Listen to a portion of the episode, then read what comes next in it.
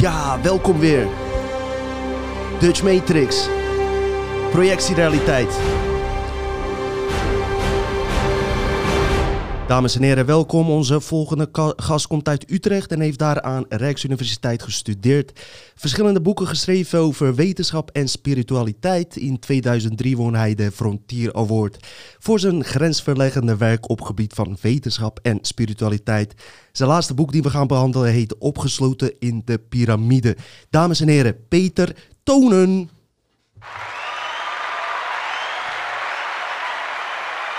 Peter, welkom man. Hallo. We gaan het doen.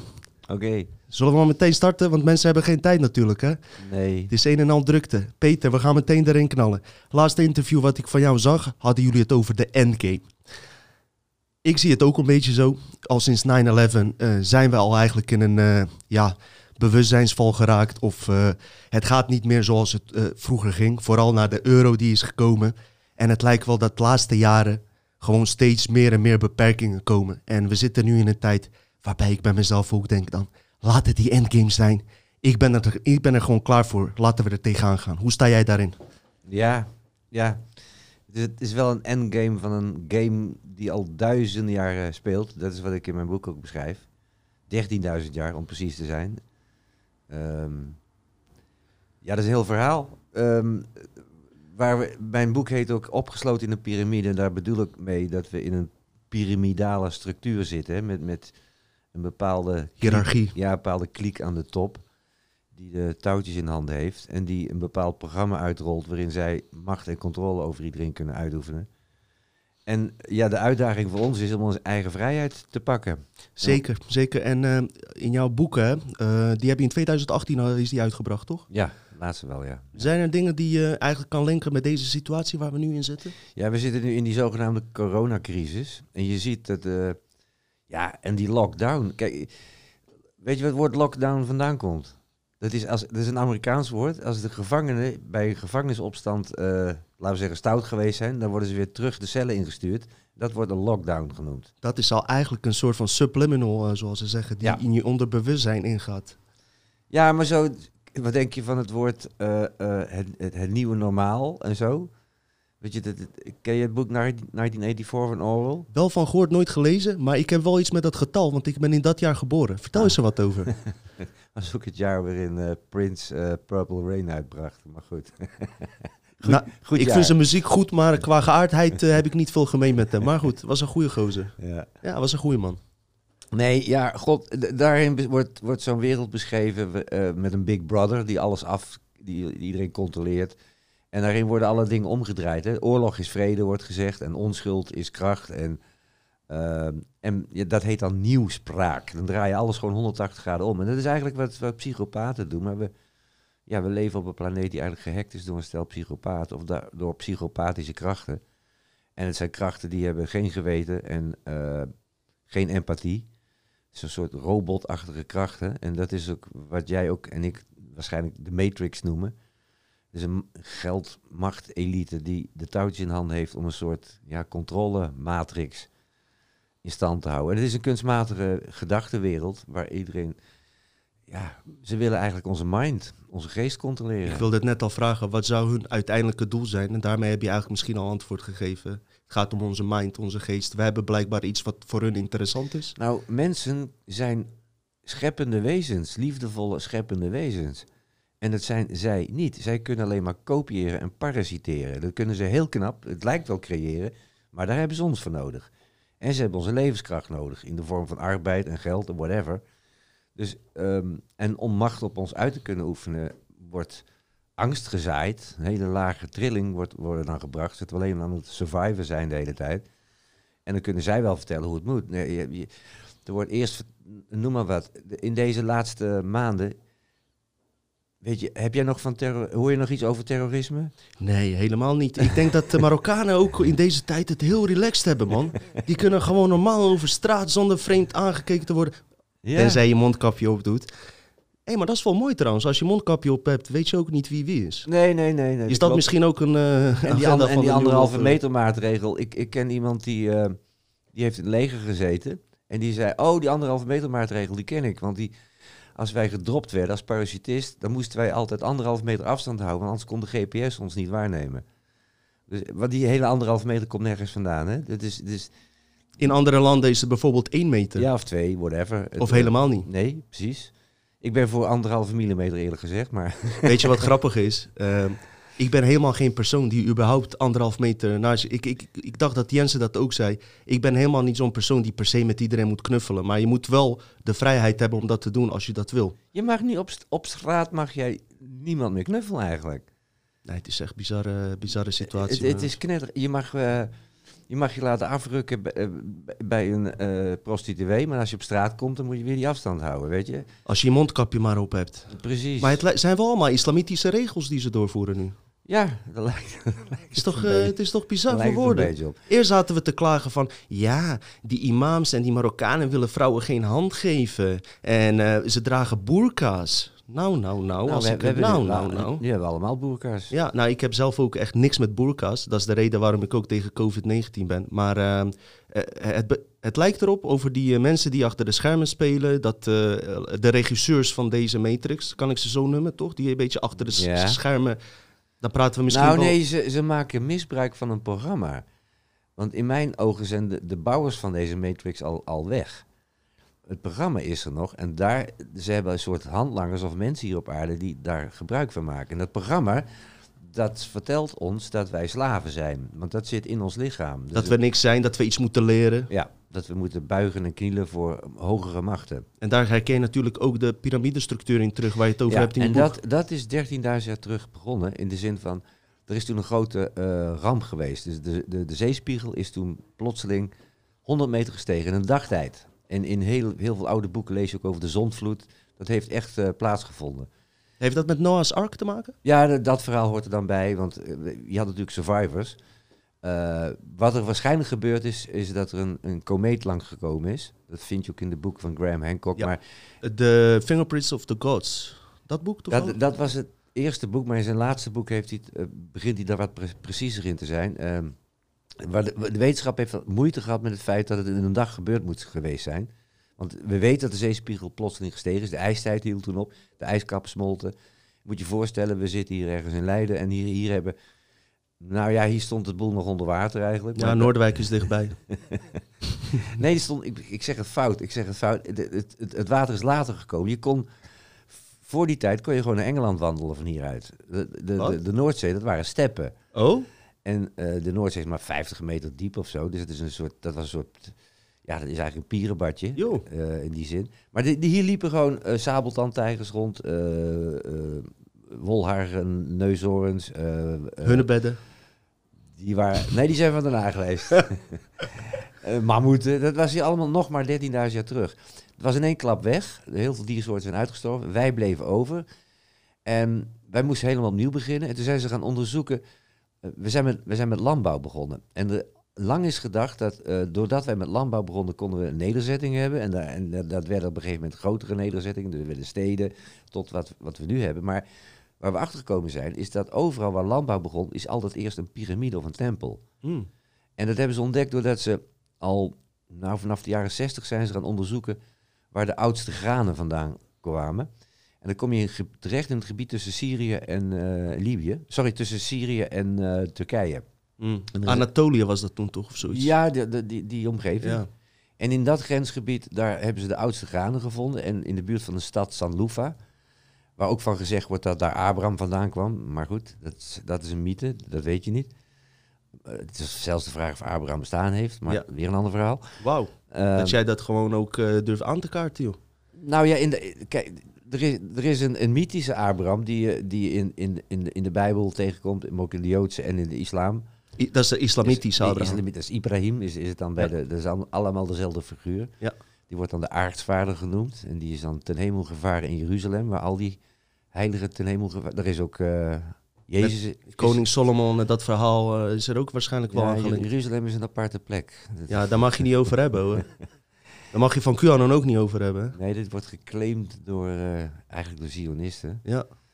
Is weer een Nou komen, nou gaan we Ik heb gezegd, op. Peter, je moet vaker terugkomen. We Ja, moeten, ja, eh, laat, laten we gewoon eh, inderdaad zo gaan. Maar je, je vertelt hele interessante dingen. Maar even, even, terug, Even op één lijn. even terug naar eh, waar het, de, ellende, de ellende is begonnen bij landbouw. En bij, toen wij landbouw gingen plegen, gingen we eigenlijk de natuur in gevangen zetten. We gingen, we gingen eigenlijk de planten in hokjes stoppen. Dat deden we ook met de dieren. En uiteindelijk worden wij nu in hokjes gestopt.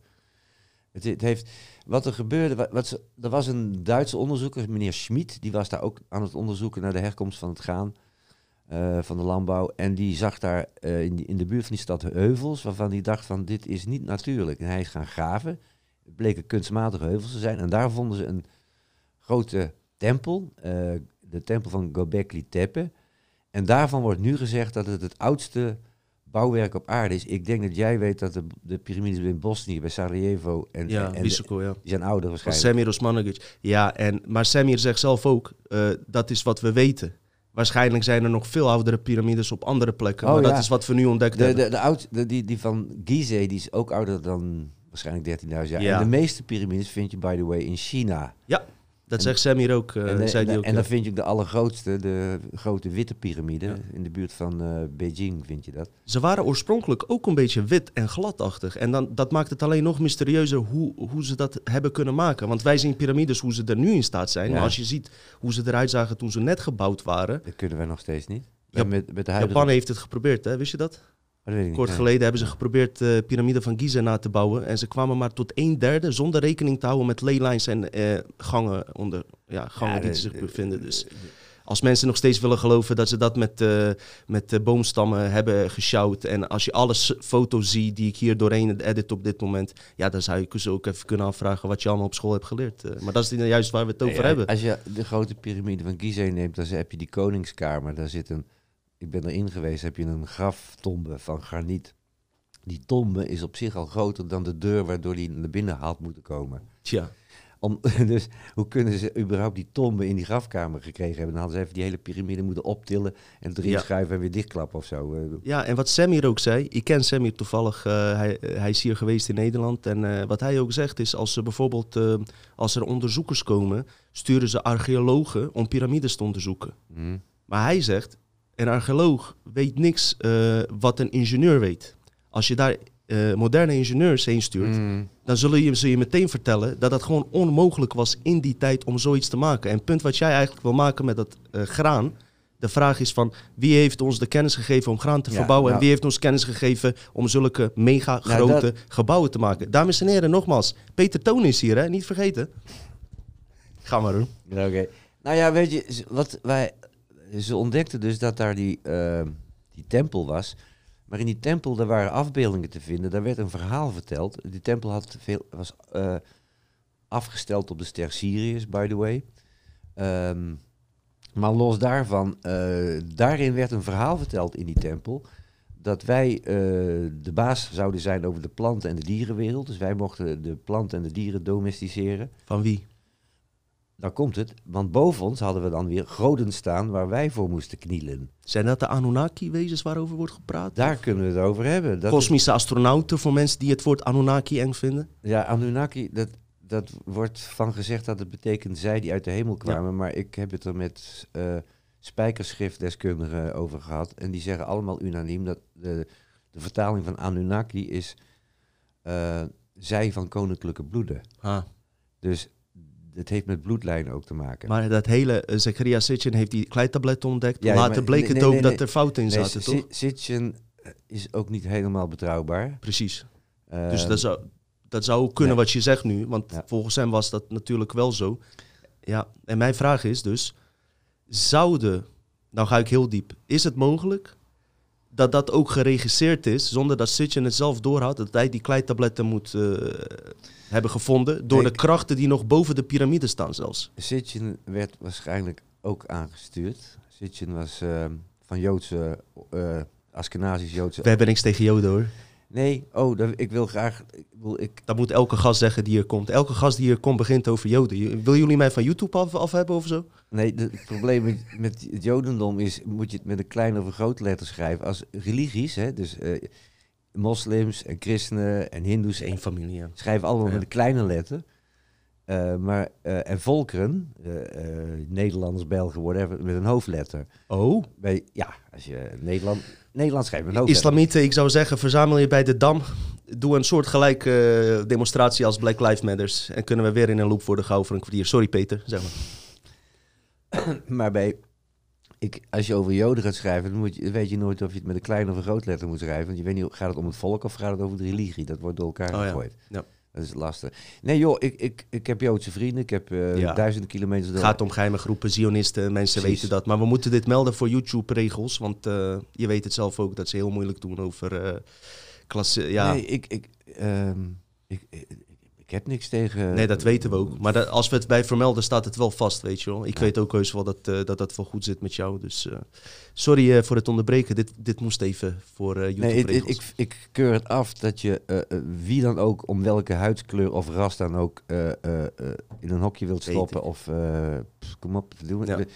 We, zijn dat kleurtje van ons of ons.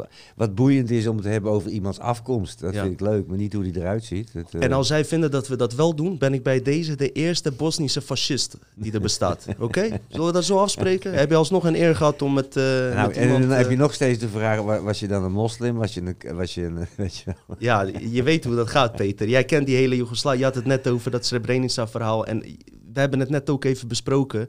Weet je, jullie hebben nu ook gezien wat in Srebrenica toen was gebeurd. Zijn dingen die recent zijn geweest. Wie komt er voor die mensen op? Waar is Black Lives Matters voor mensen uit Srebrenica? Bijvoorbeeld. We zijn allemaal slachtoffer. We zijn allemaal... En ik, mijn vraag aan mensen is... Ga niet in die slachtofferrol zo snel zitten. Nee, precies. weet Pak- je? Pak je Doe niet zo triest. Pak je kracht. Precies. Maar over krachten gesproken, eh, wa- wat denk jij dat ongeveer het verhaal is geweest? Want daar, daar hadden we het net over dat we zeg maar ineens uit het niks, ook over, eh, als we de tijdlijn van Darwin moeten geloven, Mhm. hè, dat we ons aan het ontwikkelen waren. We konden helemaal niks en uit het niks begonnen we piramides te bouwen. Ja, kijk. hoe, hoe, is, hoe Ja, kan ik- dat? Ik ben ooit terechtgekomen bij mijn huidige boek, omdat ik, ik heb bekendheid gekregen vanaf 20 jaar terug, omdat ik boeken over Maya-kalenders schreef. Ik heb je op tv gezien, je bent eh, in de kranten geweest Ja, toen, dat, ja, weet ik nog. Zeker tegen tweede. Nou, ik zal je een grapje vertellen. Ik ben onlangs nog bij eh Fanex eh, geweest, live. Dat is een, een radiostation voor jonge mensen, zou kan je zeggen. Nooit van gehoord. Nee, Maar, en maar ook bij het Jeugdjournaal weer. Want die, die heeft een maandje terug, was, een, was in de kranten dat een wetenschapper had gezegd dat de Maya's verkeerd zaten met 21 december 2012. Het moest zijn 21 juni eh, 2020. oh jee. Jee, en er was weer die, dat verhaal erbij dat dan de wereld zou vergaan. Dus ik werd in die week voor 20 21 juni gebeld weer door radio- en tv-stations van, of ik het als deskundige weer wilde komen uitleggen. Ik, vind, ik vond mezelf dan weer moreel verplicht om dat te komen doen. Want de Maya's hebben, A, die hebben nooit gezegd dat de wereld ging vergaan. De Maya's hadden over verandering van bewustzijn. En Dat- einde van een periode Juist, van eh, ja, de- ja, 26.000 jaar. Ja, was dat? 26.000 jaar. Dat is een Ja. precessiecyclus. Dat is, een, dat is een, dat weet iedere natuurkundige, dat er bepaalde grote cycli zijn. Een precessiecyclus is er één van. En die heeft een keerpunt gehad op 21 december 2012. En dat hebben de Maya's niet uitgevonden. Die hadden het wel, die wisten daarvan.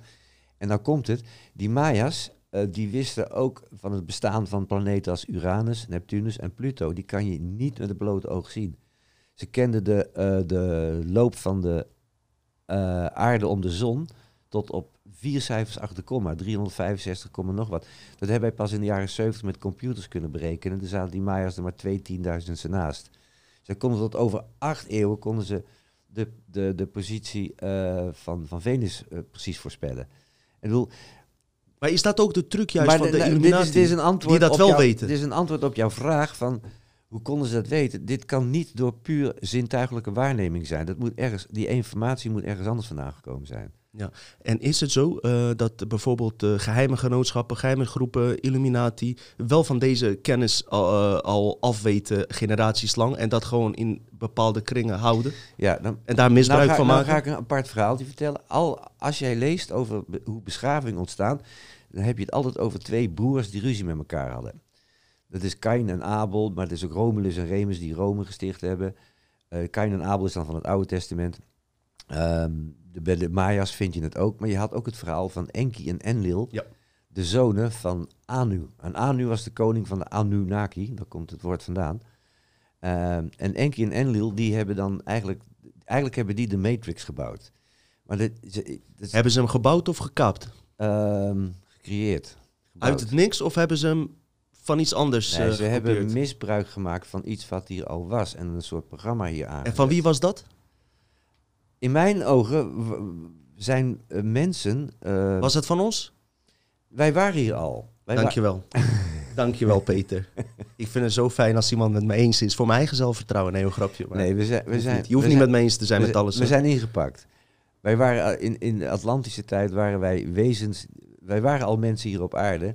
Maar wij bestonden meer in andere werkelijkheden. Waarin we elkaar ook ontmoeten in andere dimensies. Toen hadden we 100% capaciteit en nu hebben we maar 5%. wij gebruiken maar 5% van ons DNA. Toen waren we in ons volle... Veel meer, ja. Ja. Ja. Zou dat de reden kunnen zijn? Nou, nee, de- de- kijk, wat er gebeurd is, is dat die, dat kun je in de boeken van Sitchin ook lezen. Er zijn meerdere redenen geweest, maar de Anunnaki die hadden mensen nodig, omdat ze op deze, dit is een hele unieke planeet met een hele dichte materie. En een van de dingen die hier ontstaan zijn, is, is, is, het, is goud. En goud hadden zij nodig. En dus hadden dus ja, slaven nodig om het goud te delven. En ze hebben uiteindelijk ons gevangen gezet in die lichamen met het verhaal van, nou, daar kan je iets bijzonders mee maken. Maar ze hebben ons gevangen kunnen zetten, omdat moet je je voorstellen, als je in eenheidsbewustzijn leeft, dus dat alles met alles verbonden is, wat ook de natuurvolkeren vroeger hadden, eh, dan, dan snap je niet dat je belogen kunt worden. Dat is wat ze gedaan hebben. Ze hebben, ze hebben, We hadden goed vertrouwen. ja, hey, ze hebben misbruik gemaakt van onze naïviteit. komen we toch terug op situatie van nu met goed vertrouwen. Met al die ellende Nou, van onze Men- informateurs. Onze, onze, minister maakt, eh, onze ministers maken zwaar misbruik van een heel mooi gegeven, namelijk dat mensen geneigd zijn om elkaar te helpen, solidair te zijn. En daar worden nu, eh, daar wordt misbruik van gemaakt door te vertellen, jij moet een mondkapje dragen, je moet dit, je moet dat, je moet dat want anders gaat je oma dood. Dreiging, Ja, angstzaaierij. Mensen gaan dan in reptiele breintoestand verkeren... waardoor ze niet eigenlijk logisch nadenken... maar puur uit reactie gaan reageren. ja. En dus er wordt weer. Dat kijk, hebben we allemaal kunnen zien trouwens. Ik zei net al, de, we hebben, de terroristen zijn ineens weg. Dat- dat was een hele handige, onzichtbare vijand. Waar je ik, altijd... ik zou bijna zeggen, geef die terroristen terug. Heb je corona voor in de ruil. Ja, we hebben, er- we hebben het verhuild voor corona. Dat is ook een onzichtbare vijand. Ja. Waar, je, ja, waar je allerlei maatregelen tegen kunt treffen. En tegen die terroristen hebben ook de gevaar. Heb jij ooit last gehad van een terroristische aanslag? Sterker nog, 90% van alle islamitische terroristische aanslagen waren gewoon 90% slachtoffers islamieten. Ja. Waarom zou een islamiet in Turkije, in Istanbul, in een discotheek een bom gooien en Israël gewoon nooit? Dat is de goede vraag. Maar die vraag wordt nooit gesteld in de Is, politiek. is, eh, maar nou, nou, nou, oeps. ISIS of IS eh, ehm, valt allerlei landen aan, behalve juist Israël. Hoe zit dat dan? Ja, maar kijk, als mensen niet... eh, Wat ik zelf denk, om even te schakelen voor kijkers die misschien ook net met conspiracy bezig zijn. Want de laatste, de laatste drie maanden is de op... Je hebt het ook onwijs drukker, heb je het over. Eh, is het gewoon interessant geworden. Dus mensen die niks weten, eh, niet, niks wisten, zijn wel geïnteresseerd in deze onderwerpen. Dus voor hun eh, is het misschien handig om erbij te vermelden dat het handig is dus om te onderzoeken wat er nou logica, als je misschien een kwartier de tijd zou nemen, nou twee uurtjes om te Mhm. kijken wat er aan de hand is, dan zou je al heel veel kunnen ontdekken. Maar we zitten in zo'n systeem dat als je thuis komt, snel je kinderen van werk moet halen, eten maken, goede tijden, slechte tijden kijken, Eva Jinek of Pauw en Witteman en lekker slapen. Je gaat niet serieuze informatie zoeken. Maar dat doen ze nu wel. En, en nu gaan mensen ook dus denken van, heb ik ook gehoord van veel mensen, hoe heb ik zo blind kunnen zijn? Kom je ze tegen ook? Ja, door de lockdown is er iets veranderd. Eh, de, de mensen zaten thuis opgesloten. We gingen veel meer op social media en op internet kijken. Eh, de, de ja, heel veel mensen die een baan hadden, moesten thuis werken. Hadden kinderen thuis. We hadden ineens alle tijd om, om zelf na te denken. Eh, daarnaast zagen we dat de natuur is ervan opgeknapt. Het was eh die eerste weken, joh, de natuur... waren in één keer geen vliegtuigen, dus ook geen chemtrails me- meer. Dan moet je dat weer gaan uitleggen wat dat zijn, maar goed. dus dat is het goede geweest. En, en ehm, mensen merken ook dat wat er nu aan het licht komt, is dat er zijn ook. waar ik op ingezet heb, hè, ik weet niet hoe jij het gedaan hebt, maar eh, vanaf het moment dat die lockdown kwam, eh, ik was mijn werk even kwijt, want ik moet het vooral hebben van presentaties voor groepen mensen. Dat lag allemaal stil. Ja, ik, ik ging gewoon door met glazen wassen. Ja, kan jij doen. En ze weten van mij, als ze nee zeggen, wat er gebeurt. maar ik zit Nee, als het ware in de amusementsindustrie en die lag plat. Ja. Ik moet het hebben van, van zalen met publiek. Die boeken verkoopt, daar word je niet rijk van. Maar Nee. nee, nee dus het, Glazen was ook niet hoor. nou, oké, maar je bent wel onafhankelijk financieel. Zeker. En vooral in mijn hoofd, dat is zo belangrijk. Ja, ja, ja, ja. En je doet goed werk. Ik doe mijn best, man. Je doet goed werk, toch? Maar jij ook, Peter. ja, Daarom ben je hier. ik, maar ik heb van oude hoeren mijn vak gemaakt. Dat kan jij er nog naast doen. Maar... Ik leer het van jou. Maar eh, Peter, even tussendoor. Vertel je Nee, maar maar eerst. waar, ik, waar, ik, waar ik eh, op ingezet heb, is vooral voor mijn eigen gezondheidszorg. Dus ik ben heel strak gewoon iedere ochtend om half acht op gaan staan. Veel yoga, bewegen, sporten, gezond eten, vitamine C, D, eh, zink, whatever. En niet in het programma stappen. Nee. En vooral heel veel naar buiten en in de beweging. En gezond, juist heel gezond, maar ook mentaal gezond. Hè? Dus ik, ik werd ook gedwongen om, om gewoon naar binnen te gaan en mogen te sluiten, te mediteren. En dan voelde ik een rust in mezelf en ik voelde om me heen al die angst. Want het angstvirus was nog erger, misschien wel, was erger denk ik, dan het coronavirus. En angst, weet je, dat is ook niet goed voor je immuunsysteem. En daar wil ik even op in. Eh, Dutch Matrix. Ik probeer elke situatie aan Matrix te linken. En jij weet zelf ook eh, dat alles Matrix is. Dus je kan eigenlijk alles aan Matrix linken. Ik ben even benieuwd wat jij hier vindt van mijn eh, theorie.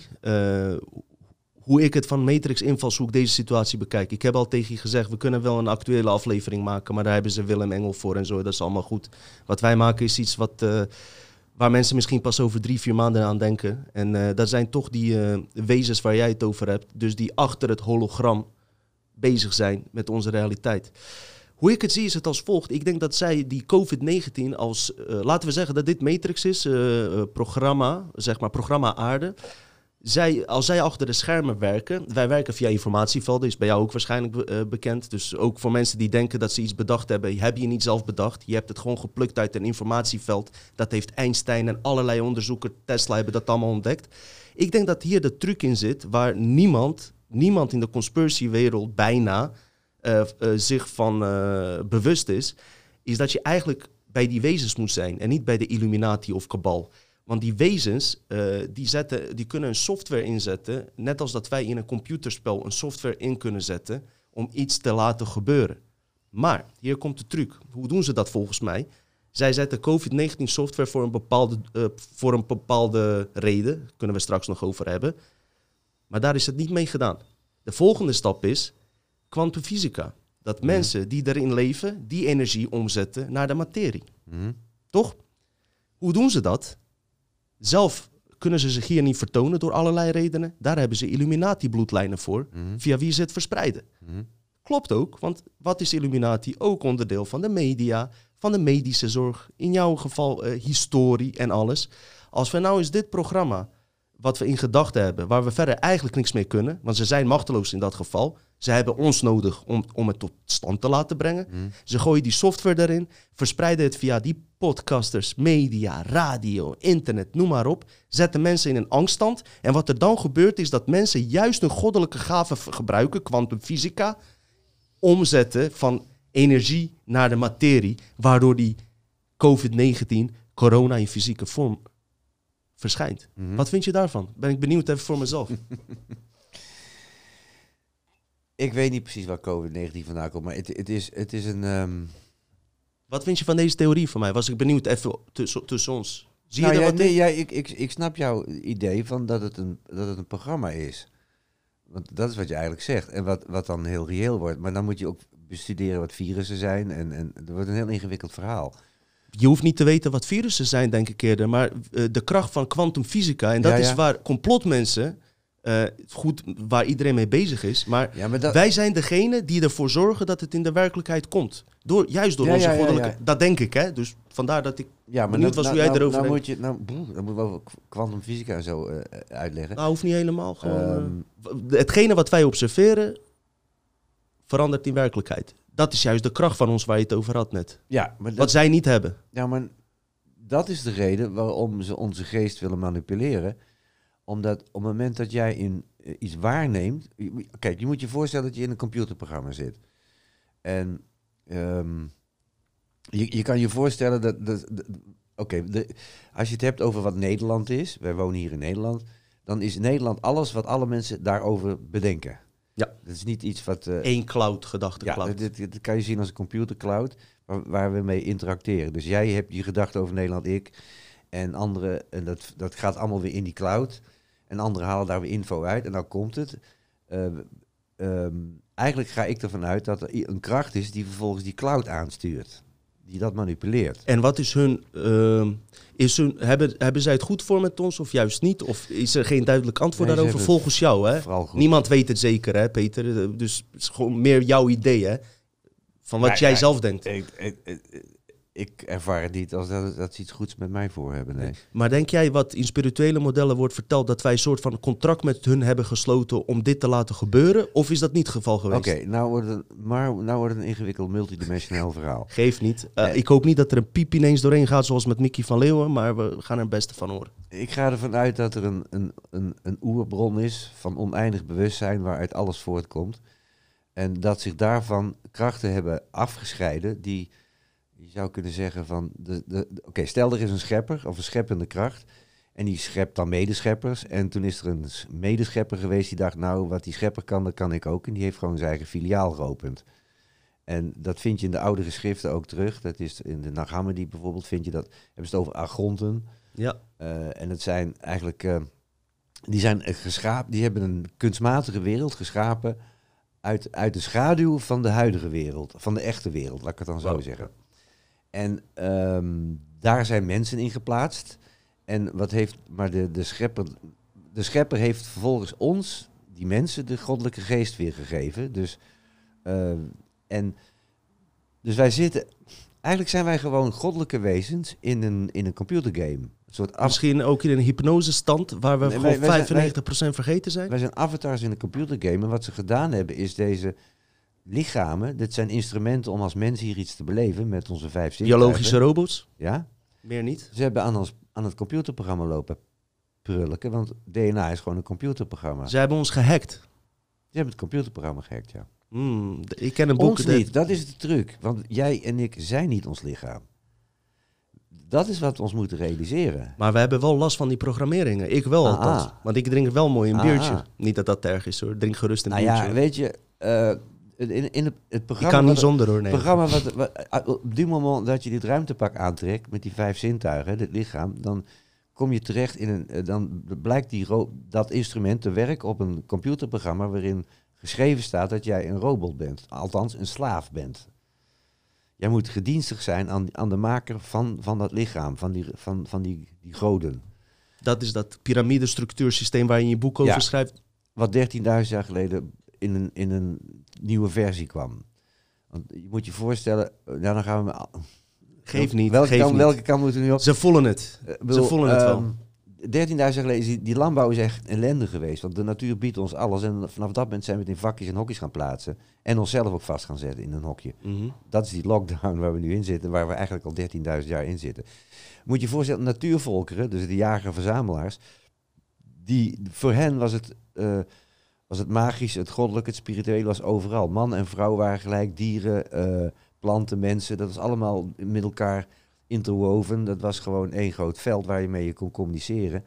En er, er kwamen dus krachten die zeiden dat het allemaal gesplitst moest worden en dat de een de baas was over de ander. Eh, dat, is, dat is daar ontstaan. En dat concept is doorgegaan. Het is een soort programma wat is gaan lopen. En daar zijn we nu geëindigd hier eigenlijk. eh, ja, maar wat je, kijk, wat je al ziet, er zijn, er zijn ook wetenschappers die zeggen dat door de landbouw de eerste oorlogen zijn ontstaan. Want wat doet een landbouwer? Die doet landje pikken, die Ja. gaat afbakenen. Terwijl aarde van iedereen is. Dat, exact. Of van niemand. Exact. De, we- ons rechtssysteem is nog steeds eh, heel simpel. Wie bezit, heeft gelijk. Punt. En het maakt niet uit of die eh, dat grondgebied gestolen heeft door oorlogen te voeren. Precies. De bezitter krijgt altijd gelijk. Maar dat wil dus ook zeggen dat mensen elkaar kunnen zelfs bezitten. Mannen kunnen vrouwen bezitten. Da- Al die hele, hele ongelijkheid tussen man en vrouw. Mijn vriendin bezit mij soms. maar daar kan je het nog hopelijk met elkaar over hebben. Nou, ze verstaat geen Nederlands, man. Nee, hoor. Nee, weet je, Peter, dus met eh, wat ik van jou wilde weten, omdat bijvoorbeeld eh, bij Ancient Aliens, hè, Erik van Danneken eh, is hiermee bezig. En ik kreeg soms het idee, ik ben super fan van Ancient Aliens. Zo ben ik überhaupt bij Mhm. Anu- Anunnaki gekomen tien jaar geleden. Mhm. Waar ik eigenlijk van verbaasd was, is dat Erik van Danneken, er is geen duidelijk standpunt. Of wij er nou slechter van zijn geworden toen die Anunnaki hier kwamen, of beter. Hoe denk jij daarover?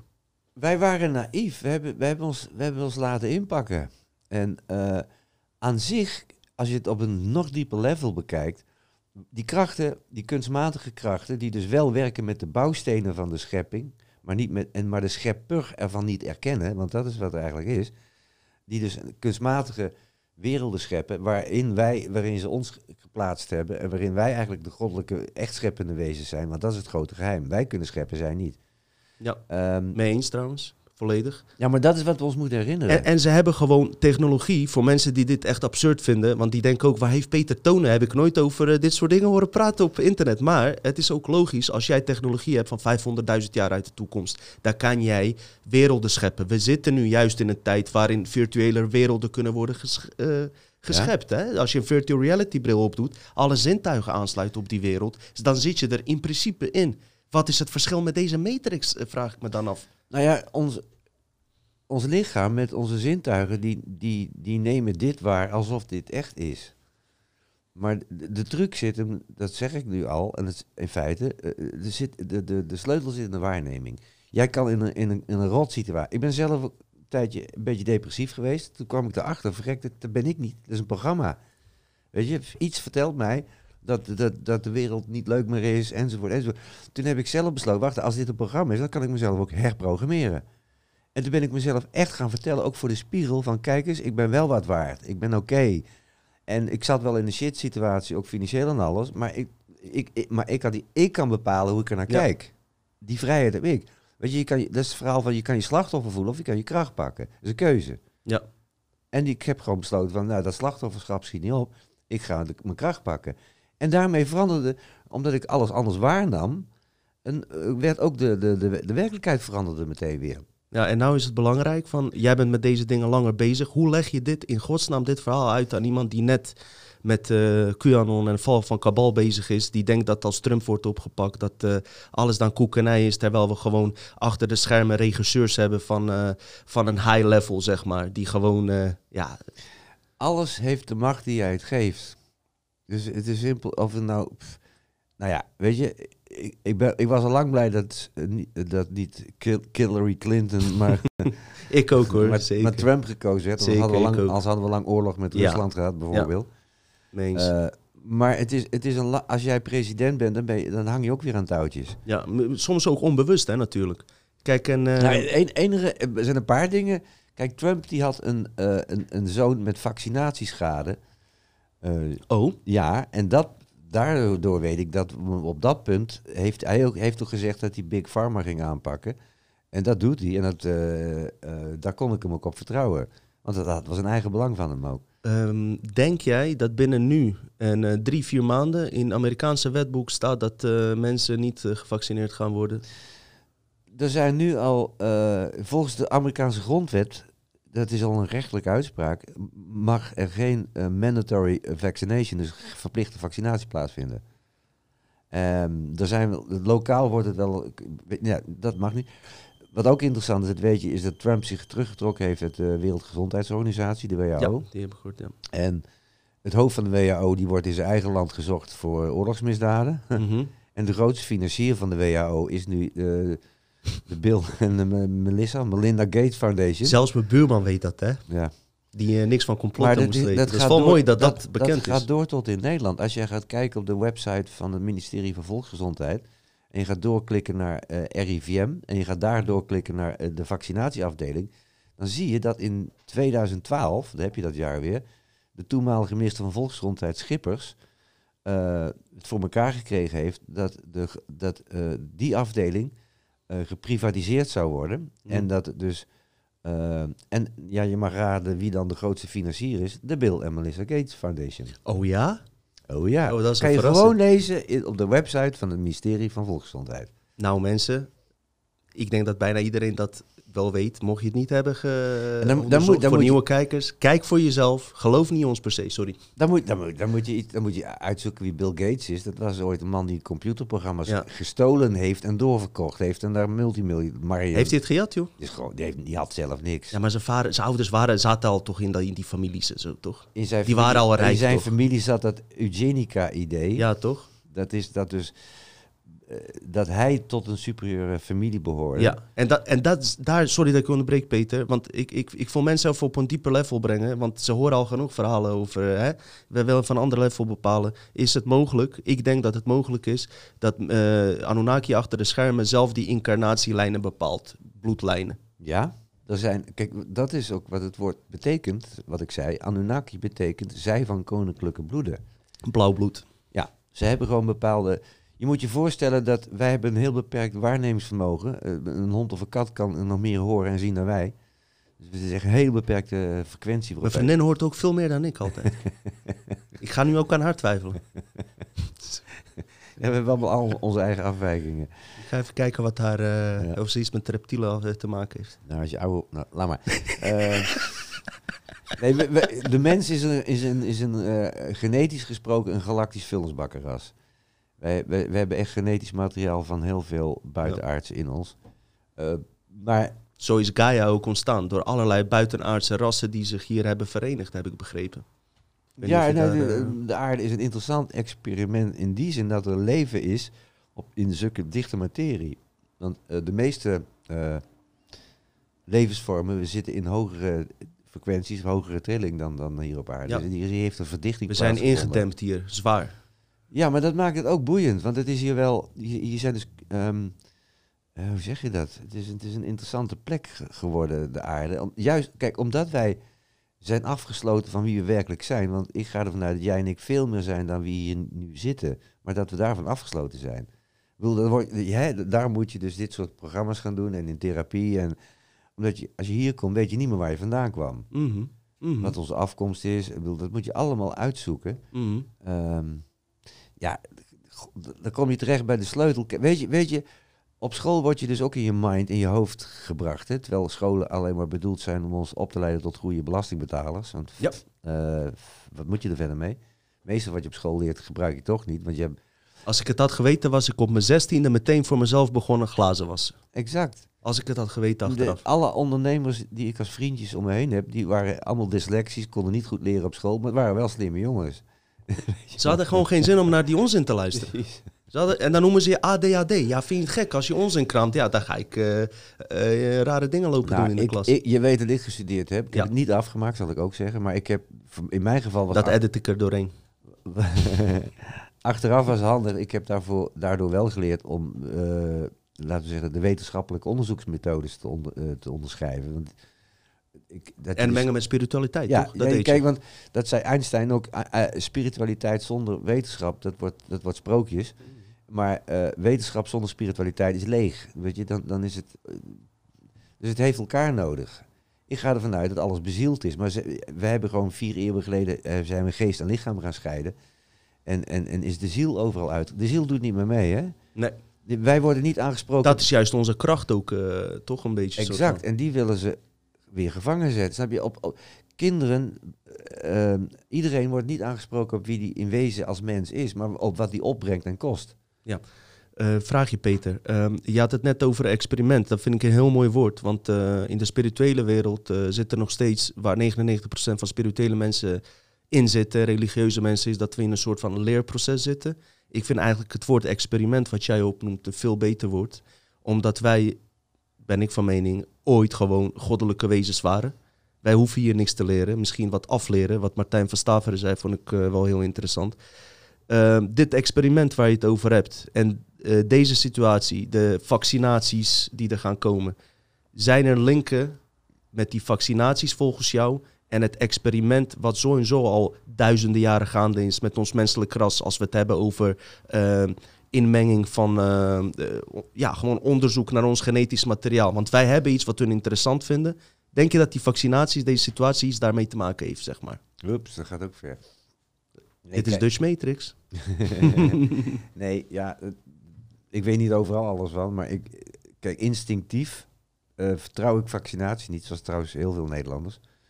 Ehm, en zo, sowieso als, als vaccinaties tegen de griep en tegen COVID-19. Want tegen de tijd dat ze daar een, een, een, eh, een vaccin voor zouden hebben, zijn we al vijf, zes jaar verder. Dus dan is dus de vraag wat er dan wel in je, in je lichaam gespoten wordt. En dan moet je teruggaan naar, naar de, de, naar meneer Bill Gates bijvoorbeeld. En dan kom je dus terecht bij zijn verhaal. Dat hij is opgegroeid met het idee dat hij tot een superieure familie en superieure bloedlijnen hoorde. En dat wij een soort inferieur zijn en wij onder de, onder de duim moeten gehouden worden. Dat, dat, dit, dit zuiger Ja. niet aan mijn duim, dat kan je allemaal opzoeken. Dat heeft Ik ook hoor al- het voor het eerst, maar ik geloof je zo. Want hij was ook bij Epstein. En die was ook bezig met de supermens te maken, net als Hitler. Ja, ja, ja. Hetzelfde, ja, ja. programma wordt doorgezet. En, en, en, en, en meneer Gates, eh, die zat ook in- af en toe in de Lolita Express, hè? Ja. Dat, die kenden elkaar al. Maar, maar maak dat je buurman maar wijs. Ja, dat is gewoon, dat kan je zelfs uit de mainstream me- media halen. Dat is toch niet normaal? Dat Nee. dat gewoon niet eens... Ik heb het idee dat zelfs in Amerika meer kans wordt gegeven voor deze... Daar hebben ze ook wel een eigen agenda voor. Maar Amerika heeft bijvoorbeeld eh, zenders waar hierover wordt gepraat. In eh, Bosnië was ik, daar wordt eh Semir Osmanagic, ontdekker van piramides... die Mhm. was dus de eerste dag dat die lockdown kwam... Hm? kwam hij al met zijn theorie. Die was zo goed. Die, waar wij het nu over hebben, eigenlijk vertelde hij aan het begin dat Bill Gates betrokken was en dergelijke. Maar dat werd wel op nationale tv uitgezonden. Zie je dat hier gebeuren? Ja, maar de, in, in Kroatië is bijvoorbeeld... Is Bosnië in dit geval. Ja, maar- Kroatië niet, ander verhaal. Nee, oké, maar daar was het Kroatië? Nou, er is een parlementslid wat eh, eh, een fan is van, van David Icke bijvoorbeeld. En dat kan je daar horen. Hier kom je daar nooit Nee. achter. En in Italië is ook een parlementslid geweest eh, een maand geleden... die precies in het parlement hardop zei waar het op stond... met eh, vaccinatie en met het hele, dat het hele COVID-19 een onzinprogramma is. Nederland zit zo en zo zwaar erin. Want bijvoorbeeld David Icke kan je gewoon terugvinden. Die is ook gewoon wel eens te gast geweest bij eh, zeg maar Kroatische zenders zoals Wereld Draait Door in Kroatië. Ja, ja, Dan zit gewoon David Icke daar te gast. daar wel, klopt. En ik vraag me dan af, je hoeft het niet te geloven. Ik vraag niks. Maar waarom nodig je die man? Ik heb een keer zelfs oproep aan Jensen gedaan. Nodig een keer een David Icke uit, man. Laat hem eens even zijn zegje doen voor de Nederlandse volk. Want hij brengt het goed. Hij heeft een goede achtergrond. En eh, hij heeft voor BBC had hij gewerkt, toch? Een eh, parlementslid Van geweest. oorsprong wel, ja. Weet je, net als jij hier heel goed eh, doet om naar onze podcast te komen. Want ja, met alle respect, wie ben ik? Jij hebt toch meer ervaring, je bent op tv geweest. Eh, menselijke psyche werkt zo. Weet je, als, je, als ze jou zien, nemen ze het iets meer serieus dan, al- Ik weet niet, dan mij. ik hoop het. Ik weet het wel. Ik hoop het niet. nee hoor. Hey, even terug hierop. eh, even kijken. Als we het over eh, Donald Trump, QAnon. Hoe denk je over QAnon-verhaal, was ik benieuwd, Peter. Want zij moeten onze redder zijn. Kabal gaat allemaal opgepakt worden. En dan kunnen we achteroverleunen en een Zeer- vreugdedansje doen. Een zeer groot deel van mijn kennis- en vriendenkring zijn QAnon-fans. Ik ben gewoon van geen enkele beweging fan. Dus dat is, dat is al een deel van mijn antwoord natuurlijk. Ehm, en dat komt gewoon omdat ik niet geloof in oplossingen die van buiten afkomen. Dat je Hmm. inderdaad eh, achteroverleunt van nou, eh, eh, watch the game, het komt wel goed. Ik geloof, net zoals ik niet geloof dat wij door aliens gered gaan worden, door buitenaardsen. Nee. Die, daar moet je niet op wachten, die wachten op ons. Maar het valt me wel op dat dat Eh. QAnon-verhaal daar wel aan gelinkt is. Hè? Als je kijkt naar de David Wilco, Corey Good, dan, zijn, dan hebben zij ook nog eens een alien, QAnon-alien-afdeling die het komt oplossen. Dus ik kan me voorstellen Mhm. dat mensen dan daar wel intrappen.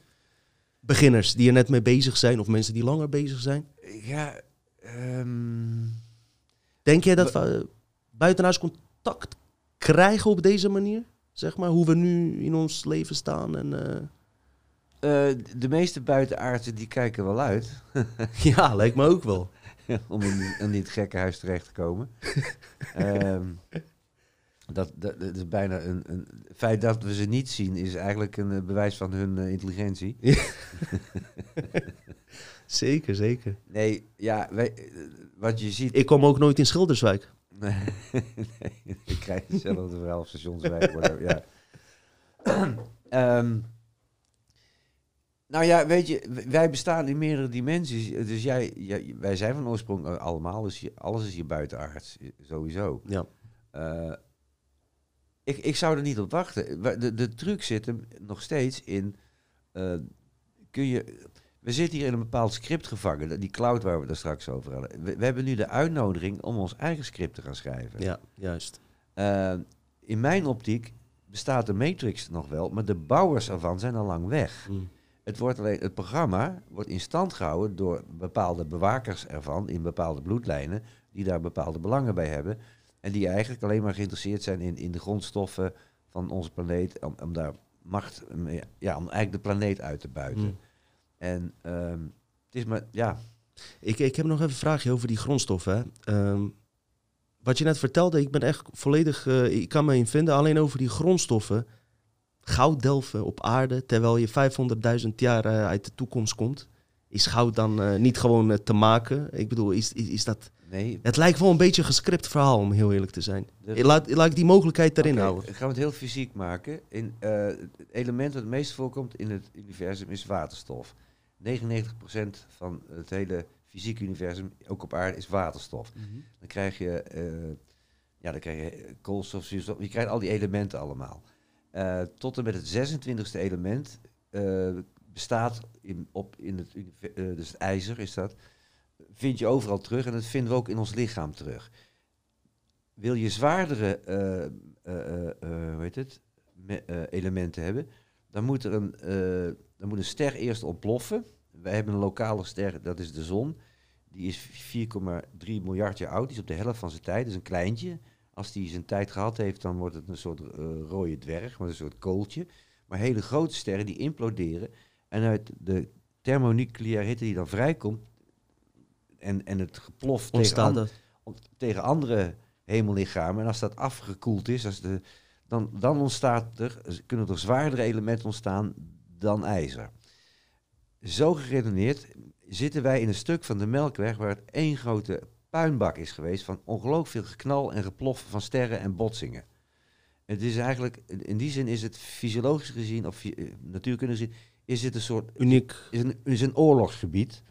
Waar zoveel ontploft en geknald is dat er dus hele, hele zware eh, elementen ontstaan zijn. Zoals bijvoorbeeld goud. En dat is uniek dan Dat geworden. is heel uniek. Oké. Dat vind je nergens. Dus ik, dit, ik, dit, dit kan een natuurkundige kan je dit verhaal vertellen zoals ik het nou net verteld heb. Mhm. Ik ga het alleen metafysisch maken. Zo van, dit is gewoon natuurkunde wat ik je vertel. Mhm, mhm. Eh, wat is daar dan bijzonder aan? Dan ga je kijken hoe wat, wat er bijzonder is aan goud. En goud heeft, eh, als je naar de atoomschillen van goud kijkt, dan zie, dan zie je dat goud de, de, de eigenschap heeft dat het hele hoge frequenties in lager kan omzetten en andersom. Het is super geleidend. Dus als jij. eh, We zien niet al het goud natuurlijk, omdat we maar 5% zien. Misschien in 100% vorm dat we goud heel anders zouden ervaren. nou, Doe je dat? Nee, nee, waarom? waarom eh, dat weten mensen die in de, in de, in de audio. Waarschijnlijk. Ik hoop dat je hier ook gouden aansluiting hebt. Ja, ik heb vrienden met gouden kettingen. Ja, oké. Goud werkt versterkend en werkt eh, als een supergeleider ook. Ja, dat weet ik. Eh, mee. maar het- wat het kan doen is dus... In telefoon zit natuurlijk ook eh, Ja, de chipcode. Het, dus, het, eh, het, het kan hogere, eh, hogere trilling in een lagere brengen en andersom. En dat, dat maakt het voor buitenaardsen interessant, omdat ze daarmee makkelijker van frequentie kunnen Oh, oké. shiften. Oké. Eh, dus ze kunnen van die hogere trilling kunnen, hebben ze goud nodig om, om, om überhaupt in een diepere, in een, in een dichtere dimensie te kunnen afdalen. Dat is wat ik ervan weet. Oké. Heb ik nog één vraagje ook tussendoor, als we het toch over buitenaardse hebben en over eh, universum en dergelijke. Je hebt het over die Maya-kalender. Dat er eh, ook inderdaad een. we zitten nu in een. Dan volgens. Dat, daar heb ik in mijn boek ook over geschreven. Een nieuw tijdperk van Aquarius, als het ware. Waar we in terechtkomen. Dan zou dan eh, na een turbulente tijd van de vissen-tijdperk overgang zijn. Dat we in een eh, periode komen waar vreugde is en alles. Acht jij het mogelijk dat dat hele kalender hele eh, astrologie ook gewoon een simpelweg onderdeel van de matrix is en gewoon niks te maken heeft met ons brengen naar ons oorspronkelijke bron. Dat dat gewoon een misleiding is om ons in de loop te houden in deze matrix. Ja en nee. Je moet je voorstellen, alles wat kunstmatig is, en wij zitten in een kunstmatige werkelijkheid, is, per definitie tijdelijk. Eh, Is dus ook gebonden aan, ehm aan tijdcycli. En daar waren die Maya's goed in. We kunnen wel degelijk waarnemen dat rond vanaf 2012 er een verandering in bewustzijn is opgetreden. Moet je even voorstellen, vlak voor 2012 had je 2008, 2009 had je de die financiële crash, weet je wel. Toen werden mensen bewust dat we niet door regeringen, maar door banken, eh, door het geld geregeerd worden. Vervolgens krijgen we in 2011, 12 de verhalen van Assange en eh, eh, Wikileaks, Wiki- eh, Wikileaks. En je krijgt die andere? en ehm, Snowden. Snowden over in, dat we dus massaal afgeluisterd worden. Ja. Dat heeft iets gedaan met het bewustzijn van mensen. Niet genoeg nog, maar ja, maar goed, toen werd, werden, werden, werden dus mensen wakker met het gevoel, verrek, we zitten in een programma. In feite, wat van bovenaf aangestuurd wordt, wat ik dus die piramide noem. mhm. En ehm, je zo, snap je dus dat, dat mensen worden pas wakker als ze hun hoofd stoten. En nu stoten mensen weer opnieuw het komt dichterbij. Ja, massaal hun kop, want ze raken hun baan kwijt en ze gaan onderzoek doen en ze ontdekken, verrek, dat die, al die, die coronamaatregelen deugen niet. Die hebben nu veel meer te maken, niets meer te maken met gezondheid, maar met macht en controle. Ja. En snap je? En zo, en maar ik stel dat die controle ma- matrix er al duizend jaar is, maar nu worden mensen zich ervan bewust. Dus om eh, naar, terug naar het begin te gaan, we lopen nu ook tegen het eind aan, is gewoon endgame. Ja, dat is, eh, dat is, Dit is gewoon dat- de endgame. Dat is die endgame. Daar lijkt het wel heel sterk op, Ja. hoe je het ook bekijkt. En- het is gewoon klaar nu. Mensen kunnen ook denk- niet meer hebben. Mensen zijn er klaar mee. Ik denk dat wij als spirituele wezens, eh, want dat zijn we, we zijn, eh, we zijn spirituele wezens die hier als mens iets meemaken en niet andersom. Ja. Ehm, we, zijn geen mensen die, we zijn al spiritueel, daar hoef je niet voor hier te zijn. We, we, we zijn het alleen als mens aan het beleven met die, af, Ja, met die beperkingen die je dan hebt. En dus moet je dealen met dat wat programma. heel moeilijk is. Nou ja, je, je zit hier in een leugen. We, Ja. zijn, we zijn avatars in een computergame. Ja. Weet je? Pff, eh, hoe Ze ga je om? denken dat je niks voorstelt, dat je niks kan creëren, dat je naar je eh, Ja. baas moet luisteren, hiërarchie. Ja. Daar komen we toch weer terug op je boek. Jammer dat we trouwens niet nog dieper op je boek in zijn gegaan, maar dat gaan we zeker ook doen. Zeg maar eh, opgesloten in de piramide. Denk jij dat boven de piramide ook nog krachten zijn die die piramide hebben gemaakt? Zijn dat dan die wezens die die regisseurs achter het scherm zijn? Want als we praten over piramide op fysiek level, kom je tot Kabal, Illuminati, dan is het klaar. Maar boven, wie hebben die piramides gebruikt? Zijn dat dan die Anunnaki-wezens volgens jou, denk je? kabal, wat gewoon Engels woord is voor de kliek. ehm, dat, dat is een x aantal families die de touwtjes in handen hebben. Maar die, die hebben weer Zijn hun... dat de top? Nee, dan, dan, Nee, kom- hè? dan kom je dus terecht bij... Dan kom je dus in een andere werkelijkheid terecht. Ja. Want zij brengen hun offers weer eh, aan hun goden, als het ware. Ja. En dan, heb je, dan kom je terecht bij satanisme, bij kinderen offeren en dat soort Ja. zaken. Ja. Dat is een heel smerig onderwerp. Zeker. Dan, Dan, heb je echt over het pure kwaad, kan je het noemen. Dat is echt heel duister. Ja, Dus daar moeten we nu licht in gaan brengen. Ja, Want Zeker. dat is echt levenskracht stelen op zijn scherpst. Maar Peter, er zijn heel veel podcasten nu op dit moment, ja. Ik heb me bewust niet in die corona-covid-ding mee laten slepen. Ik heb één aflevering gemaakt en that's it. Waarom? Omdat er nog inderdaad ook dit soort dingen zijn waar jij het over hebt. En nog duizend andere dingen. Dus weet je, eh, het zou misschien goed zijn voor andere podcasters eh, die heel veel kijkers hebben. In zo'n even een paar dagen even pauze te nemen van deze covid. We hebben Willem Engel die eh, bezig is en dergelijke met dit. Open eens even wat nieuwe poorten, zou ik zeggen, jongens. Nee, we, Waarom doet niemand daar wat aan? We hebben nu de... Kijk, wat... Oké, ik kan namens, eh, namens alleen maar voor mezelf spreken. Ehm, doordat ik ook gedwongen werd niet in de angst te gaan. Want ik, ik was mijn werk kwijt. Ik zat ook opgesloten.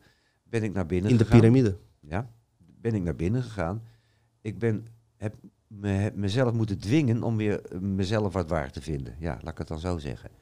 En dat heeft iets met me gedaan, gedaan want ik, eh, ik heb daardoor, ehm, doe ik nu heel bijzondere ontmoetingen met mensen. Ook zelfde gesprekken op straat, die gaan echt ergens over. Eh, ik kom weer oude bekenden tegen, met- wie ik, ik- nieuwe samenwerkingsverbanden, synchroniciteit. Eh, plus, er zijn bepaalde angsten van me afgevallen in de Mhm. afgelopen weken. Waardoor ik veel meer aandurf door bijvoorbeeld eh, eh, zonder mondkapje door Ja. in het OV te zitten. Ja, je zei het net. En wat zou jij nou iemand aanraden, zeg maar, die dit nog niet weet wat jij weet, die net met deze onderwerpen bezig is, is wakker geworden, staat open voor alles. Wat zou je diegene aanraden? Hoe, om hiermee om te Ja. gaan? Kie- kies voor, kies voor, voor de liefde voor jezelf. En het is een bewust actief iets. Want hier is een plek in jou waar, die je overal mee naartoe neemt en waar jij voor kunt kiezen om daar te zijn. En op het moment dat je dat doet, dan kun je ook je grenzen stellen naar, ja, dit wil ik niet. En dan kun je gaan kijken wat je wel wilt en daar gewoon voor gaan. En dan kom je die tegenkrachten vanzelf tegen, maar daar moet je niet mee gaan vechten. Eh, Daar geloof ik niet in, want die, die, die, die duistere krachten, hoe je ze Daar hoef je ook niet mee te vechten waarschijnlijk. Bewust van zijn is al een heel... eh, dat doet dat, daar nee, zijn dan- ze al bang voor. Daar begint het, want dan doorbreek je het programma. Als je als je voorstelt dat je dus in een, in een programma zit, dan heb je het inderdaad over kwantumfysica. En stel, het programma zegt dat alles roze is. En jij, brengt daar een heel klein blauw druppeltje in. Ben jij in je eentje. Maar dan verander je het complete programma in feite. Dat heb je heel mooi gezegd. En Peter, eh, wat je nou ook zegt, eh, we hadden het net erover, dat vind ik echt goed van jou, dat je ook mensen aanstuurt op eigen onderzoek. Dus Ja, geloof niet dat, per se Peter, geloof niet per se Dino of wie dan ook.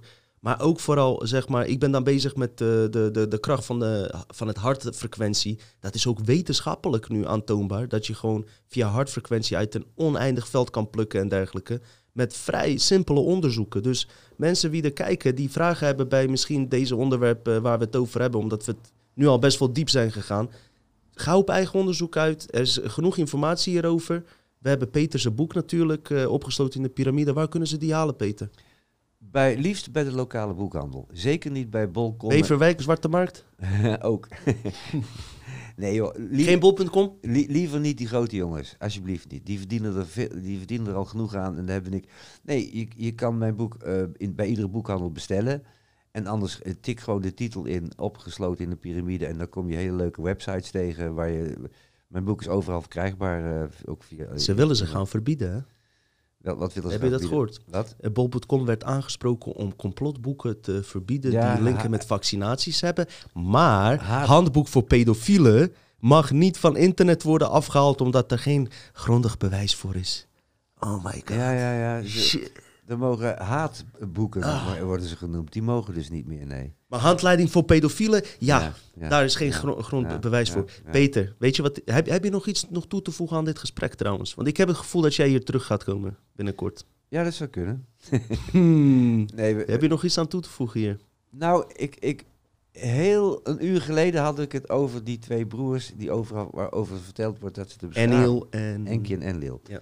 En eh Enlil is de kwaaienpeer, dat is de Satan enzovoort. En Enki is degene die heeft gezorgd dat er gaatjes zaten, dat er nu gaten zitten in de Matrix. Al eigenlijk vanaf eind jaren 90, toen de film de Matrix uitkwam, kwamen er gaten in de Matrix. Omdat mensen bewust werden door die film? Dat, gaat, dat is altijd kip en ei. Oh. Het is niet voor niks dat die film er toen was. En het was toen mogelijk ook dat het concept gesnapt werd. Ja. En, maar daar zitten, en dat maakt ook dat we dus... eh, wij kunnen ons van de Matrix sinds die tijd gaan bevrijden. Dat, wat Enki namelijk gedaan heeft... Enki is de, als je gaat kijken naar eh, de oude esoterische literatuur... dus je gaat kijken naar, de, eh, naar Toot en naar Hermes Trismegistos... eigenlijk de lijnen die ook de... ehm, Zijn dat Egyptische bloedlijnen of eh farao-lijnen? ook, nee, maar je vindt hem overal. In alle oude. Het, het was, het- bij de Maya's was het de gevederde slang. Het is in alle culturen is het de brenger van. Gilgamesh hadden ze of zo in uh, Ja, Maya. ja. Zo, zo'n kosmische astronaut die met zo'n pak aan ja, kwam. je vindt overal die figuur die de brenger Komen in terug. breng- brenger van de cultuur en, en, en, en het schrift. Mhm. Want de beschaving is begonnen waar we het schrift hadden. 5000 jaar terug in Sumerië en het is heel snel verder verspreid. Dat is de lijn die Enki eh, ons gebracht heeft. En die, maar die heeft, Enki heeft dus meegebouwd aan de, aan de Matrix, maar die heeft ook eh, achterdeurtjes opengehouden. Mhm. En die achterdeurtjes die worden steeds wijder. Dus we hebben, in, de- in de Matrix zat ook de mogelijkheid om eruit te komen. Oké. Per definitie, omdat we in een vrije wilzone zitten. Ja. En wat wij nou moeten doen, is onze vrije wil gebruiken. Wat de Anunnaki gedaan hebben, was niet illegaal, want iedereen mag hier zijn eigen schepping creëren. En ze mochten het goddelijke niet helemaal gevangen zetten, want dat was tegen de vrije wil van ons in. Of konden ze het gewoon niet? Nee, ze konden het wel, maar dan ging het als een boemerang naar hun terugslaan. Want het is, in dit stuk van de Melkweg is, is nou eenmaal, dit is een vrije wilzone. Hier mag iedereen voor God spelen. Maar dat terugslaan, heeft dat met karma te maken? Geloof je in Ja. karma trouwens? Ja, maar dan op een dieper level. Niet zoals, zoals de recycle-machine van eh, leven en dood. Mm. Want dat is, dat is Matrix. Als jij overlijdt, dan ben je niet meteen uit de Matrix. Ah, ah, dan kom je in die recycleermachine. Maar die levenscontracten, is er een mogelijkheid dat dat ook gewoon zware manipulatie is Ja. om je in de matrix te houden? Ja? En dat verhaal van Enil en Enki, is het mogelijk dat ze ik- allebei onderdeel zijn van een kunstmatig programma? Nee, zij zijn... Oké, je moet er geen menselijke figuren bij voorstellen. Dit, Enki en Enlil zijn zelf programma's. Ja. Dat is het boeiende. Ja, Dat is bijna niet voor te stellen. ja, dat is bizar, ja. Al die goden, Als je nu nog steeds kijkt, nou, dan ben je echt een eh, hardcore eh, die goden onderzoeker. Zijn, die goden zijn zelf programma's. Ja. Van Eh, wie? Dan kom je terecht... Oké, AI? Eh, nee, nee, nee. Er zijn, uiteindelijk kom je terecht bij een oerbron waar alles in, eh, uit voortkomt. Ja. Eh, mm, die er nog steeds. Die, Oké, Het is heel bizar. Het, als je het echt wilt uitleggen, kom je in paradoxen terecht. Want uiteindelijk is alles één. Alleen dat is niet de ervaring die je als mens kunt hebben. Dat is het bizarre. Ehm, jij, als jij mens bent, dan kom je juist in de ervaring terecht van de, van de leugen en de afscheiding. Eh, tegelijkertijd, dus je kan hier geen... Als je eenheidsbewustzijn Die non-dualiteit, zit dat daarin verwerkt? Ja, of nee, ben je daar is- ook niet helemaal... als je, als je eh, hoe zeg je dat, Ehm eenheidsbewustzijn wilt, wilt ervaren, eh, dan, moet je, dan zit je nou op de verkeerde planeet, want dat is Ja. hier niet. Maar tegelijkertijd kan ik hier alleen maar zijn in het weten dat alles één is. Ja. Anders zou ik het hier niet redden. Nee. Dus, dat is een, dus er is hier een experiment vindt hier plaats, namelijk dat het kunstmatig afscheiden van de, van de schepping gebeurt hier. In al zijn facetten. En het zijn altijd doodlopende sporen, omdat ze kunstmatig zijn. En ze moeten altijd toch die voeding uit die bron krijgen. Daarom, daarom zijn de Greys uitgestorven als buitenaardsen. Eh, snap je? Het zijn allemaal machines die gewoon brandstof nodig hebben. Maar nu je dat zegt, dat vind En ik wel- wij zijn de brandstof. Ja. En als wij dus de Matrix geen brandstof meer geven, dan houdt die Matrix vanzelf Ja, op. en in die film is dat dan zeg maar eh, energie, eh, maar, maar dat wordt er niet mee bedoeld. Het is juist onze Als fantasiekracht. niemand zich houdt aan de anderhalve meter regel, Stopt het. stopt het. Als, iemand, als iedereen stopt met werken voor een dag, valt deze hele ma- matrix uit elkaar. Bijvoorbeeld. Zo krachtig zijn wij eigenlijk. En dat Nou, is eigenlijk wat ik eigenlijk in deze podcast met jou wil- naar buiten houden, wil brengen. In Ierland had je een jaar of wat geleden was een staking geweest onder de bankiers. Het heeft twee weken geduurd. De wereld ging gewoon door. IJsland? Een maand later was er een staking onder de vuilnisophaaldienst. Toen liep het land vast. Dat bedoel ik. Moet je Begrijp nagaan als glazenwassers gaan staken. Ja, krijg hele vieze ramen. Kijk, Kreeg je vieze ramen, kijk je poepram. Die heeft ook een eigen podcast, kan je ook zien. Nee, maar onderschat onze kracht nou niet, weet je. Nee. En, En- dat willen hun wel juist. Ons laten denken dat we niks voorstellen. En, maar één, naar, één iemand die voor een, eh, die een, die helemaal buiten het programma iets, een eigen, zijn eigen programma schrijft, verandert al de hele matrix in feite. onwijs boeiend, Want die Peter. brengt nieuwe informatie in, in die cloud, waar anderen dan weer hun informatie uit kunnen halen. Mensen die dan wakker worden. Die, ja, die heeft effect op andere mensen. Dus het, het- feit, ja. dus het feit dat wij hier gewoon het überhaupt hierover kunnen hebben. Daar, weet- kan jij voorstellen, Dino, dit vijf jaar geleden of drie, twee jaar geleden, een jaar geleden konden wij dit soort gesprek nog niet eens houden. nee. Het was niet toegankelijk. Je werd voor gek verklaard. Ja. Je moest uitkijken wat je dus zei. het bewustzijn is aan het veranderen. Zeker. En dit helpt eraan mee. Dus Ja. we kunnen elkaar bedanken hiervoor dat we dit zo kunnen laten ontstaan. En dat we alle twee de moed hebben gehad. Wij zijn aan het creëren. Dit is scheppen, hè? Ja. Dit is creatief zijn. Ja. Want we, hebben, we wisten niet waar we aan begonnen een uur geleden. Nee. maar eh, een paar jaar geleden, toen iedereen je voor gek verklaarde, toen zat je meer in onzekerheid. Nu heb, je, heb ik althans iets meer van wauw, ja, weet je en wel. je moet er ook We, we, beginnen een beetje gelijk te krijgen. maar je moet Geef er- je ook vertrouwen, weet je, je wel. moet- Van fuck, wij die- wisten het al. Dino, je moet er ook scheid aan krijgen. Ja, sowieso. Ik, Sowieso. bedoel, ik, ik ben al lang het zwarte schaap in mijn familie en overal. De meeste mensen... Hij is 62, zou je niet zeggen Ja. trouwens, hè? Van deze schaap, hè? Hij is geen schaap, hij is wakker. Gewoon heel veel meemaken en gewoon doorgaan. Weet je? Gewoon, Super, man. gewoon, dat is echt... Ik heb het nooit op... Ik heb, ik heb je nog weinig over mijn persoonlijk leven verteld. Gaan, ik heb, gaan we zo ik heb hele zware dingen meegemaakt in mijn leven. Daar gaan de camera's uit. Maar wat, wat fijn is om te weten, mensen zijn heel vaak bang voor deze onderwerpen. Maar kijk eens hoe Peter hier zit. We zitten hier te lachen, we Ja, zitten hier joh. te dollen. We zijn juist niet in paniek in deze situatie. Dus eh, ik heb wel eens discussies gehad dat mensen voor deze situatie tegen me zeiden van... Wat heb je er nou aan om dit te weten? En nu in deze situatie kom ik naar die mensen en zeg ik, dit heb ik gedaan. Ik scheid niet in mijn broek. Ik leef mijn leven gewoon verder zonder angst. En degene die wel in het systeem willen meedraaien, in de piramide gehouden willen worden, waar jij in je boek over schrijft, die zullen het denk ik zwaarder gaan krijgen. Dat is gewoon zo. Nou, je kan niet te lang in angst leven. Dat red je ook niet. Dat is geen fijn leven. Ik heb wel het idee dat sommige mensen daar wel voor gemaakt zijn. Om gewoon in angst te leven en dood te gaan. Ja, nou, ik niet. Jij ook niet, denk ik. Nee. Nee, ik, ik, wil geen onderscheid ik daarin nee, nee, maken. maar heb- sommige mensen zijn daar gewoon toe bereid. Ik heb respect voor, voor, voor die keuze van die mensen maken. Heb ik ook, maar ze moeten me niet belemmeren. Dat is een ander. Klopt. Als ik ergens loop, Klopt. wil ik gewoon normaal lopen. Ja. En dat je niet gaat lopen zeuren dat ik eventueel 1 meter en 35 centimeter naast je zit. da- daar kom je op het volgende punt. Er is een, je kan respect hebben voor, dat een ander anders naar iets kijkt. Maar hij moet jou ook in de waarde laten. Zeker. En niet terugtrekken zoals spirituele modellen zeggen van... eh, nee, je moet ook je kracht laten tonen en boos zijn is toch ook af en toe goed, Peter? Als je maar weet dat het jouw boosheid is en waar jij iets mee kunt. Bewust van worden. Heb je nog wat aan toe te voegen, Peter? We gaan nog meer uitzendingen maken. nee, laten we het er even op houden. Maar ik denk dat, de, want dat was helemaal in het begin nog de vraag van... Endgame. Uh, endgame is het. En het is ook een end. Kijk, die krachten, wij wisten dat ze er waren. De Hopi-Indianen, die hadden het over dat wij de dappere krijgers zijn. Die naar de aarde zijn gekomen om dit kunstmatige spel tot een goed einde te brengen. En uh, dat is nu de tijd, dat is die endgame. Hiervoor ben je gekomen. Ben je er klaar voor? Ik wel. Hier ben ik voor gekomen. Echt, Peter, ik geef je een box hiervoor. Weet je waarom? Ik heb ook zoiets van, er gebeuren erge dingen. Vieze dingen met kinderen.